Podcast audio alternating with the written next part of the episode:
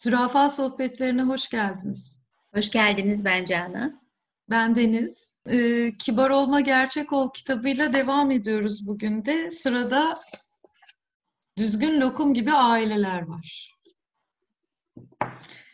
Bu Düzgün Lokum gibi aileler bölümünü okuduğumda tekrar bu kaydı yapmak için e, bütün anlatmaya çalıştığı bölümü tek bir cümlede özetledim. Aslında bütün bölüm şunu anlatıyor bence. Kibar çocuklar mı yetiştirmek istiyorsunuz? Yoksa empati ve şefkat yeteneğini geliştirmiş çocuklar mı yetiştirmek istiyorsunuz? Bu bana şey gibi geliyor. Bütün bölümün anahtar cümlesi gibi geliyor. Evet. E, ben, ben de öyle duydum. Yani kibar çocuklar gerçekten kibar olan insanlar da demek istediği bir yer var. Yani kibarlık hep şey olarak konuşuyor ya kelibir aman kibar olma gerçek o. Ama gerçekten kibar olan insan hem kendi ihtiyaçlarını gözeten hem karşı tarafın ihtiyaçlarını da gözeten yani o dengeyi sağlayan kibar insanlar da var tabii.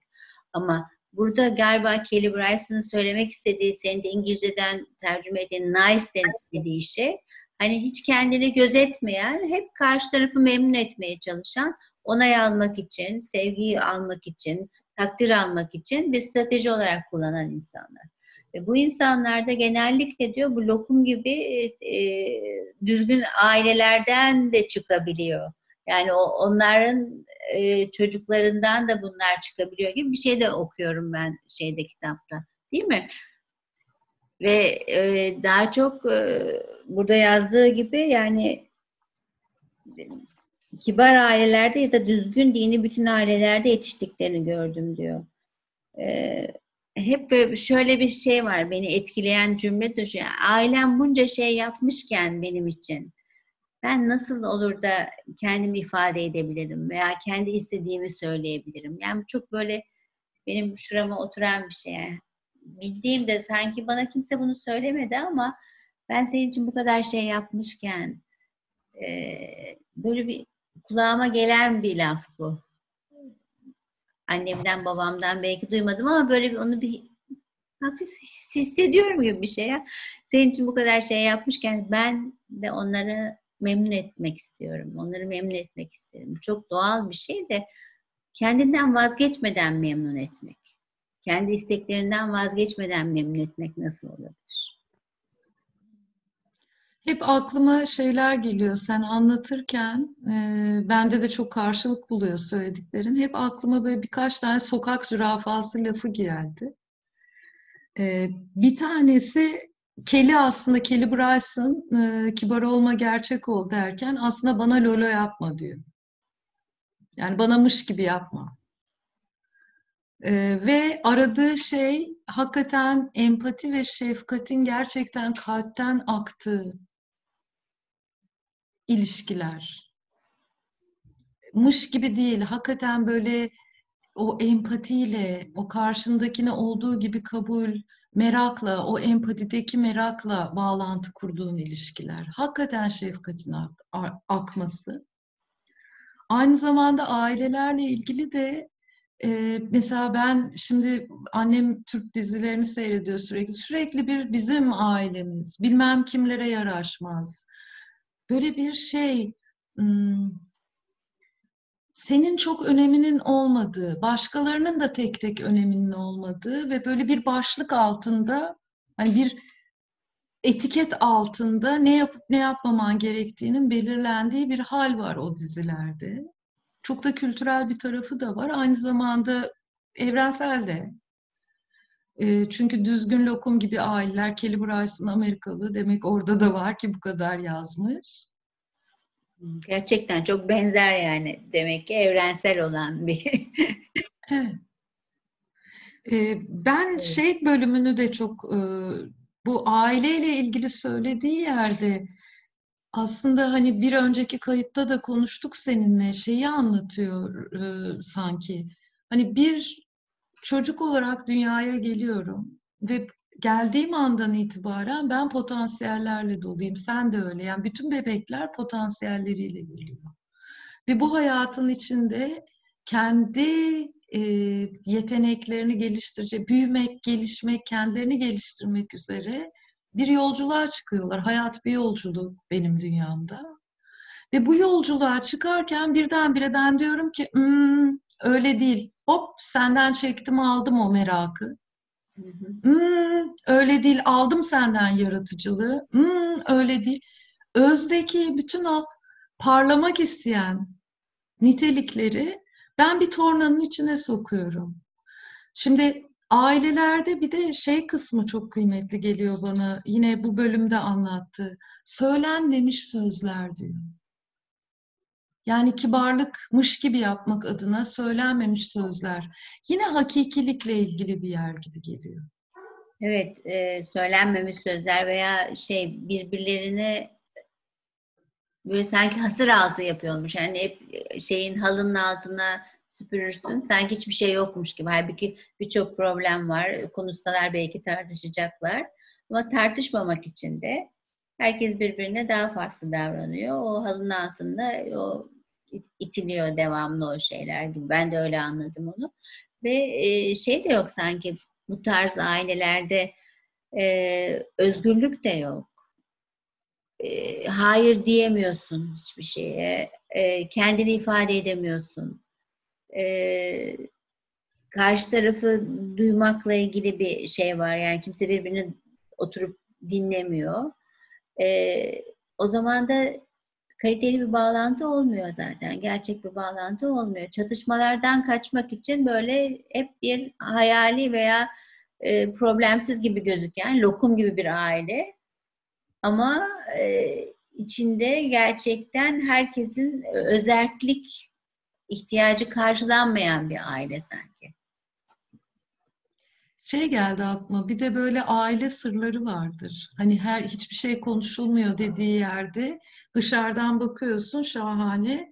İçeride de böyle bir kopukluk. Hmm. Yani hangimizin ailesinin de sıkıntı yaşanmıyor? Yani çoğumuzun ailesinde pek çok sorun yaşanıyor. Ee, anlaşmazlıklar yaşanıyor. Ee, böyle bir mesafelenmeler oluyor geniş aile olarak da düşündüğün zaman. Ama onlar konuşulmuyor. Mesela bir bayram oluyor, sanki hiçbir şey yok. Bayram sofrasında oturuyorsun. Herkes birbirine gülümsüyor. Hiçbir şey yok. Halbuki ondan bir ay önce çok kalpler kırıldı belki. Çok öfke oldu. Ama hiç konuşulmuyor. Biz düzgün bir aileyiz, meseleyi büyütmüyoruz gibi bir yer. O tam senin dediğin halının altına süpürme, üstünü kapatma kültürü kol kırılır yen içinde kalır kültürü. Evet, kol kırılır yen içinde kalır. Aynı zamanda buradaki e, kedinin yazdığı veya burada bir şiirde de var, metinde de var. Yani anne babanın arasındaki bir sürü e, çatışmayı hissediyor. Fakat onun yanında hiç kimse konuşmuyor. Yani keşke konuşulsa, beraber yani çözüm odaklı bir aile olsa, sorunları beraber konuşsalar, halletseler e, öyle bir özlemi olduğunu da görüyorum yani. Ve bu çocuklarla ilgili de şey diyor yani uslu çocuk olursan ödül alıyorsun.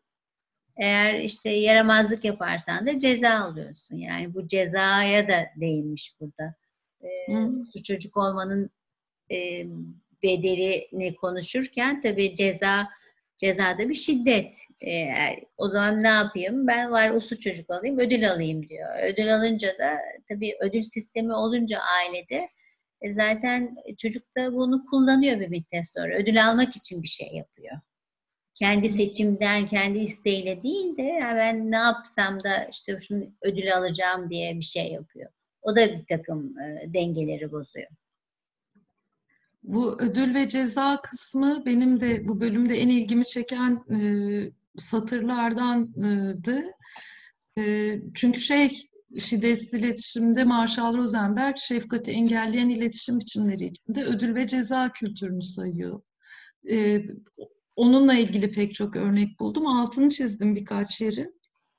Çok hoşuma giden bölüm şey, yine oyuncu diliyle şey diyor, ne yazık ki anne babalar çocuklarının banka soyguncusu olmasından korktukları için onlara vurmaktan ya da ceza vermekten çekinmiyorlar. Evet yani çocukları kötü yola düşecek diye o da banka soyguncusu benim de çok hoşuma gitti. Ceza ile bari hiç olmazsa. Yani orada ceza belki de bir sınır koymak gibi bir şey. Yani o, sınırlar olmadığı için aklıma hep şey geliyor o saygılı anne saygılı babadaki kitaptaki yani çocuklara da bir söz hakkı verilsin ki e, özellik olsun çocuklar da seçim hakkı olsun o zaman seçim hakkı olursa çocuğun e, çocuk bir şey yapmak için bir ödüle ihtiyacı yok. Yani o zaman çocuk kendi kendine onun sorumluluğunu alacak ve yapacak diyordu e, biliyorsun e, Sura Hart'la Victoria Kindle. Yani orada da sınırlar çok önemli. Çünkü bana şimdi şöyle söylüyor. O zaman çocuk her istediğini yapacak mı? Hayır öyle bir şey olmayacak tabii ki. Ama onun için de oturacaksınız ailece. Aile anlaşmaları vardı gene o aynı kitapta. Aile anlaşmaları yapacaksınız. Tabii ki bir sınır koyacaksın ama çocuk o sınır içinde e, ne yapacağını kendi karar verecek. Ne zaman ders çalışmak istediğini, ne zaman istemediğini, o kitabı okuyup okumayacağını veya işte ne bileyim e, gece kaçta yatacağını ama beraber olacak bir, o sınırlar içinde yapılacak bir anlaşmayla olacak bir şey. Benim hoşuma giden şey oydu. Senin sözünü kestim, sen devam et. Bu söylediklerin çok kıymetli çünkü Kelly Bryson aslında tam burayı anlatmaya çalışıyor. Bu anlattıklarını e, özetleyen bir cümle okuyacağım. Yapılan araştırmalar ağır suç işleyenlerin neredeyse tamamının çocukluklarında çok ceza aldıklarını gösteriyor diye yazmış. Üstelik çocuklar model alma yöntemiyle öğrenir. Ceza ise istediğiniz şeyi yaptırmak için başkalarına kasten acı verme taktiğini modeller diyor. Evet, çok Burası çok, çok önemli. Çok acı bir şey. Yani o model alma konusu senin de dediğin gibi yani nasıl çocuk yetiştirmek istiyorsun? Diye sordun ya bir önceki programda nasıl bir çocuk yetiştirmek, kibar bir çocuk yetiştirmek mi, şöyle mi yetiştirmek mi, şefkatli bir çocuk mu yetiştirmek, sorumlu bir çocuk mu? Ama oradaki şey sen çocuğa ceza vererek bir şey öğretmeye çalışıyorsan veya ödül vererek çocuk da seni taklit ediyor zaten. Halbuki orada rol model kendin olacaksın ki çocuk senden öğrensin. Hatta şey de e, konuşmuştuk seninle radyo programlarında yani çocuklar söylenenlerden çok e, yapılanları yani senin hareketlerini taklit ediyor veya ama sen ona bir şey anlatmaya çalıştığın zaman onu dinlemiyor zaten de senin hareketini ve olayların karşısında verdiğin tepkileri taklit edebiliyor. Ve ceza verdiğinde Kelly Bryson'ın anlattığı çocuklara hareketlerinin başkalarına acı verebileceğini fark ettirirsin diyor ve e, yakayı sıyırabilecek güçleri varsa başkalarına acı vermelerinin uygun olduğunu öğretirsin diyor. Yani ceza bu kadar tehlikeli aslında. Başkalarına gerçekten acı vermenin uygun olduğunu öğretiyorsun. Çünkü acı veriyorsun ceza vererek ve seni modelliyor. Ve biz şu anda e, ne kadar şiddet var diye konuşuyoruz. E, yani ne kadar küçük bir ayardan esasında bütün şey bozuluyor. Ee, yani bu bağlar, birbirine bağlar, karşılıklı bağlar da şey gibi. Yani küçücük bir şey. Sen anne babanın da buradaki şeysi tabii ki aynen Kelin dediği gibi yani korktuğu için ceza veriyor. Aman benim çocuğum e, kötü yola düşmesin, başına işte bir şey gelmesin, doğru düzgün bir adam olsun, kibar olsun, saygılı olsun. Ona ceza vereyim ki o sınırlar içinde kalsın. Halbuki o ceza vererek çocuğunu sen ileride e, şiddete e, meyilli bir insan yapıyorsun. Şeyi işte geçen e, kayıtta konuştuğumuz ceza alan çocuklar hareketlerinin başkalarını nasıl etkilediği konusunda empati geliştirmek yerine yani kendi eylemlerinin sorumluluğunu alıp ve bir empatiyle ben bunu yaparsam ne olacak diye anlamak yerine kendilerine başlarına gelene odaklanırlar diyor. Yani buralar gerçekten hani cümle tekrar geldi aklıma Canan. Mış gibi yapan, kibarmış gibi davranan çocuklar mı yetiştirmek istiyorsun? Yoksa empati ve şefkat becerisini geliştirmiş olan mı?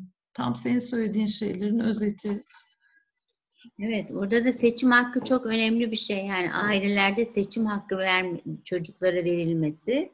Çünkü seçim hakkı verildiği zaman da e, yani özellik o zaman motivasyon da artıyor çocuğun.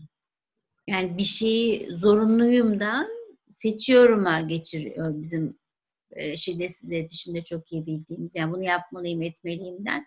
Hayır ben bunu seçebilirim diyor çocuk. Yani orada bir seçim hakkı olduğu zaman bu da motivasyon veriyor. E, o yüzden hepimiz şaşırmayalım. Yani neden benim çocuğum ödevini yapmıyor? Neden benim çocuğum okulun verdiği kitabı okumuyor?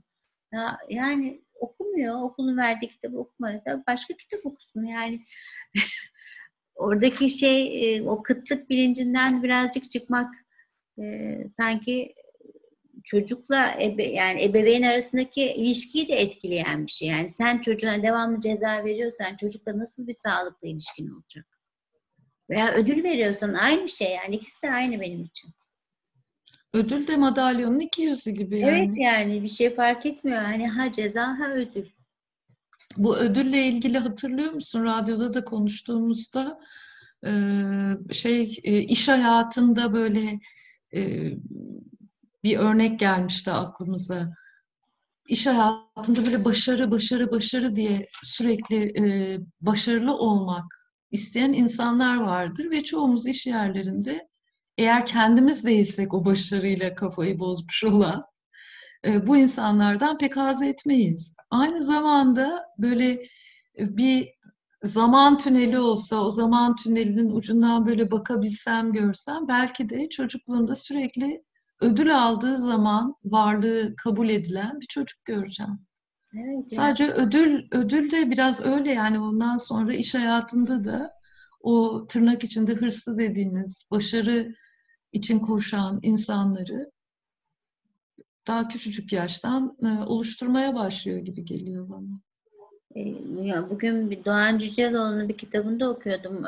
Şey diyor yani başarı odaklı ebeveynler işte e, fedakar e, olmaya yönelik yani çocuğuna illa fedakar ol sen diyen e, ebeveynler, e, suçlayan ebeveynler, hep bir suçlayan yani her şeyde bir suçlu arayan ebeveynler, kimse yaptığının şeyini sorumluluğunu almıyor. O tarz ebeveynler. E, sağlıklı ailenin temelleri bunlar değil diyor. E, şeyde de öyle yani o zaman da çocuk kaçınmak için bir takım şeyler yapıyor işte farklı şeyler oluyor orada ne bileyim bir bağımlılık yapıyor veya bir bilgisayara sarıyor kendini. Şimdi çok şikayet geliyor mesela çocuğum bilgisayardan alamıyorum diye ne yapayım? yani bir şeylerden kaçınmak için de çocuk kendini motive edecek bir şey buluyor. Yani kendi alanı bilgisayar oluyor belki de.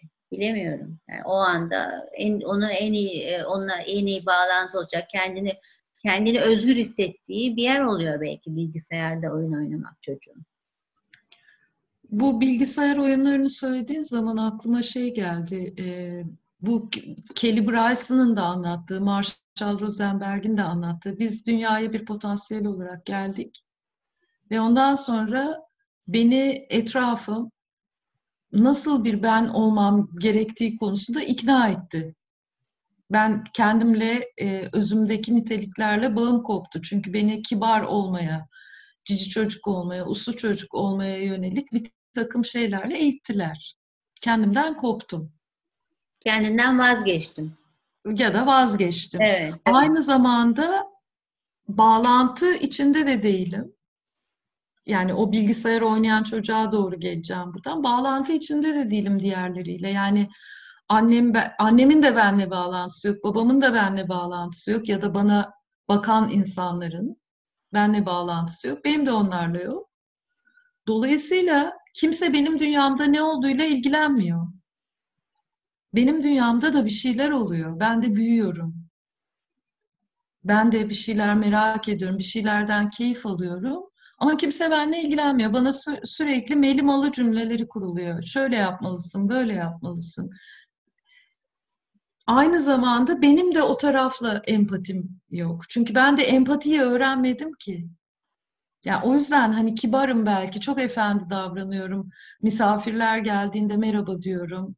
Akşam sofradan kalkarken tabağımı kaldırıyorum ama empatiyi öğrenmedim. Hiç benim de merakım yok karşıtı anneme ya da bana bilgisayarla oynama diyeni. Onu da bana merak yok. Aslında ne kadar e, tekrar şey geliyor bana böyle ne kadar evet diye bir ses duyuyorum içimde. Evet ya yani mış gibi yapan kibar çocuklar yetiştirmek yerine empati ve şefkat becerilerini geliştiren çocuklar yetiştirdiğimde bambaşka bir şey olabilir hayatı. Aynı zamanda bütün bunlar yeni bir doğru yanlış ben uyansın istemem insanların kafasında. Seni de istemediğini daha önce duymuştum senden. Bunlar böyle bir rehber olabilir. Hani şu an ne yapıyorum? Çünkü mesele çocuk yetiştirmek de değil. Biz yetişkin insanlar olarak da kibarlık öğrenmiş durumdayız. Biz de empati ve şefkat becerilerimizi geliştirmeye çalışsak çok daha hayatı zenginleştiren bir şey yapmış olabiliriz gibi geliyor bana. Bana çok katkıda bulunuyor çünkü bu becerilerimi geliştirmek için yolculuk yapmak. Yani biz tabii ki burada bir uzman olarak bir, bir çocuk e, çocuklarla ilgili, ailelerle ilgili bir uzman olarak e, konuşmuyorum. Ben sadece kendi anne anneliğimden ve şiddetsiz iletişimi öğrendiklerimle konuşuyorum. E, gerçekten duygular ve ihtiyaçlar e, çok önemli şiddetsiz iletişimde ama sen kendi duygunu ve ihtiyacını bilmeyip onu bir köşeye atıp e, annenin babanın veya etrafındaki ihtiyacını daha önemsiyorsan o zaman Kelly Bryce'ın dediği şey oluyor. Yani kendinden vazgeçiyorsun. E, Gabor Mate de aynı şeyi söylüyor. Yani sen ne zaman diyor annem baban için kendinden vazgeçtin. Onlar seni sevsinler diye e, kendimi sevmekten vazgeçtim. Ve şu anda e, ben etrafımda görüyorum çocuk değilken benim yaşımda 50 yaşlarında anne ve babalarına e, hala anne babaları mutlu olsun diye kendi isteklerinden vazgeçen insanlar var. Halbuki anne babaları onun farkında bile değiller. Belki kendi isteğini söyleseler anne babaları çok mutlu olacak. Ama öyle bir ilişkiye giriyorlar ki aman annem babam duymasın, aman annem babam üzülür diyen arkadaşlarım var. Şimdi anlamaya çalışıyorum, onlara empatik yaklaşmaya çalışıyorum. Ama öyle bir sistem kurulmuş ki orada e, eskiden beri. Onu hiçbir şekilde o şey yapamıyorlar onun. Oraya bir farkındalık getirilirse halbuki oh bir özgürlük olacak. Anne baba da rahatlayacak belki. Benim çocuğum büyüdü, yetişkin oldu.